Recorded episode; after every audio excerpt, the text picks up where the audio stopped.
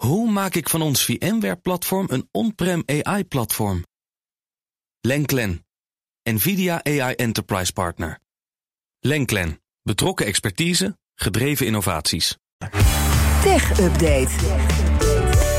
Met dus Joe van Buurik. Hey, Hey, Liesbeth en Kees, hallo. Maar we gaan het eerst even over Vodafone eh, hebben. Mhm. Ehm, gisteren spraken we in de tech-update over een elektrisch automerk, Polestar... die in telefoons ging. Mhm. Nu over een telecomprovider die in de zorg, de digitale zorg, stapt. Ja, we gaan alle kanten op. Gewoon sectoren met sectoren vermengen. Van die headlines die je niet verwacht, maar misschien toch ook wel. Want digitali- digitalisering van de zorg maakt het wel enorm aantrekkelijk voor techbedrijven om ermee bezig te zijn. Ja, en als telecomruis ben je eigenlijk ook een techbedrijf. Hè? Dus lanceert Vodafone vandaag Health E. Het Engelse woord voor gezondheid, streepje E. Dat is dan een platform waar je 24 uur per dag toegang kan krijgen tot een online dokter. Kost dan minimaal 8 euro per maand voor zo'n abonnement. Je kan ook mentale ondersteuning krijgen of contact met diëtisten. Tenminste, tegen meer prijs. Dan ga je naar 13 of 23 euro per maand. Eh, Ook afhankelijk van hoeveel afspraken je wilt. En je krijgt ook pas daadwerkelijk af en toe iemand te spreken als je die 13 euro per maand gaat betalen. Ah.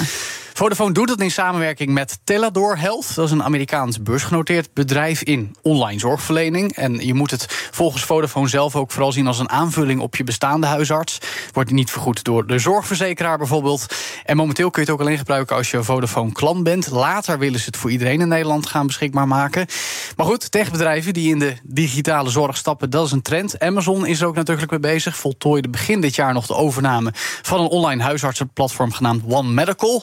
Ook daar geldt het Netflix-model voor de zorg. eh, op afstand dus, over het algemeen. Eh, maar in de VS zijn er veel meer bedrijven die het doen. Bijvoorbeeld ook Walma- Walmart, ook echt met fysieke locaties.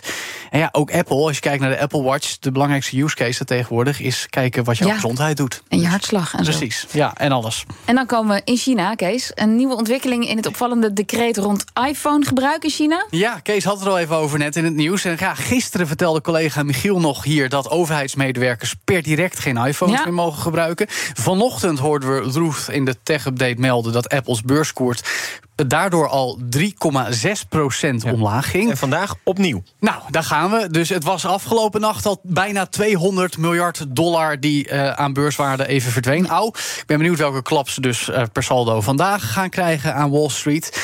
Nieuws van vandaag is namelijk dat ook medewerkers van staatsbedrijven en andere door overheid gecontroleerde instanties geen iPhones meer mogen gaan gebruiken. Hmm, Dat zijn er nogal veel in China. Nou, dat valt mee. Want eh, even een voorschotje. Eh, volgens een analist van Wedbush Securities zou het dan gaan om een half miljoen minder iPhones.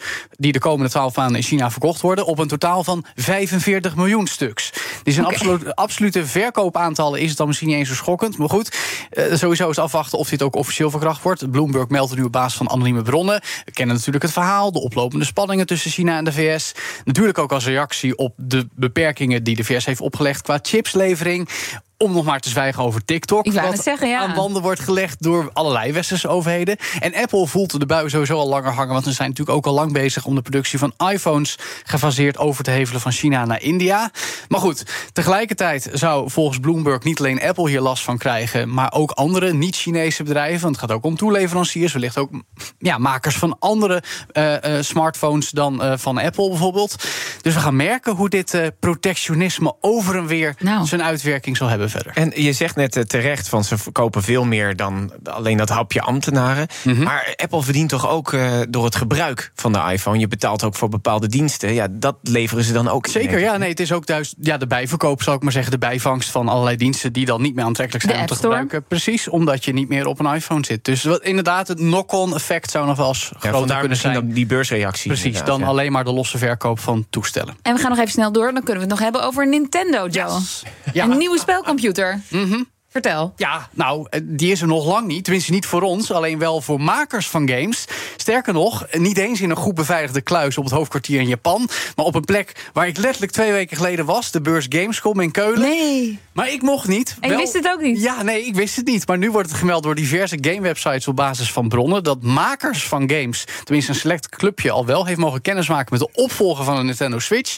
Toch de meest succesvolle spelcomputer met 130 miljoen verkochte Hoe kan dat, Joe? Jij hebt zo vaak Nintendo Nintendo Nee, nieuws en dat ja, jij niet als eerste mocht Ik kijken. ben geen maker. Ik ben zo'n journalist die dan alleen maar nieuws wil komen vertellen hier. Dus, maar goed, wat En dan, dus- en dan een beetje kritisch gaat kijken. Precies, Ja. dat ook nog. Dat willen ze ook niet. Nou, dat kunnen makers ook. Maar goed, wat we wel weten is dat genodigden een demo zouden hebben gezien van een, een mooiere versie van de hitgame Zelda, Breath of the Wild. En ook een demo rond een game eh, rond de Matrix-films.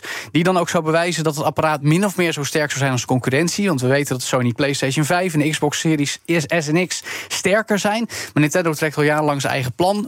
Minder mooie beelden, maar wel voor commercieel succes met gewoon hele leuke spelletjes. En ze zouden ook nadrukkelijker samen gaan werken met Nvidia. Een chip daarvan gebruiken en een soort AI-technologie die de resolutie dan verhoogt. Dus dat is slim wellicht. Volgend jaar weten we het pas echt, want dan komt hij. Dus we moeten nog ruim een jaar wachten. Tot die tijd moeten we het maar bij de goed geïnformeerde bronnen houden... die eh, ons ook afgelopen zomer al bereikten, dat hij volgend jaar komt.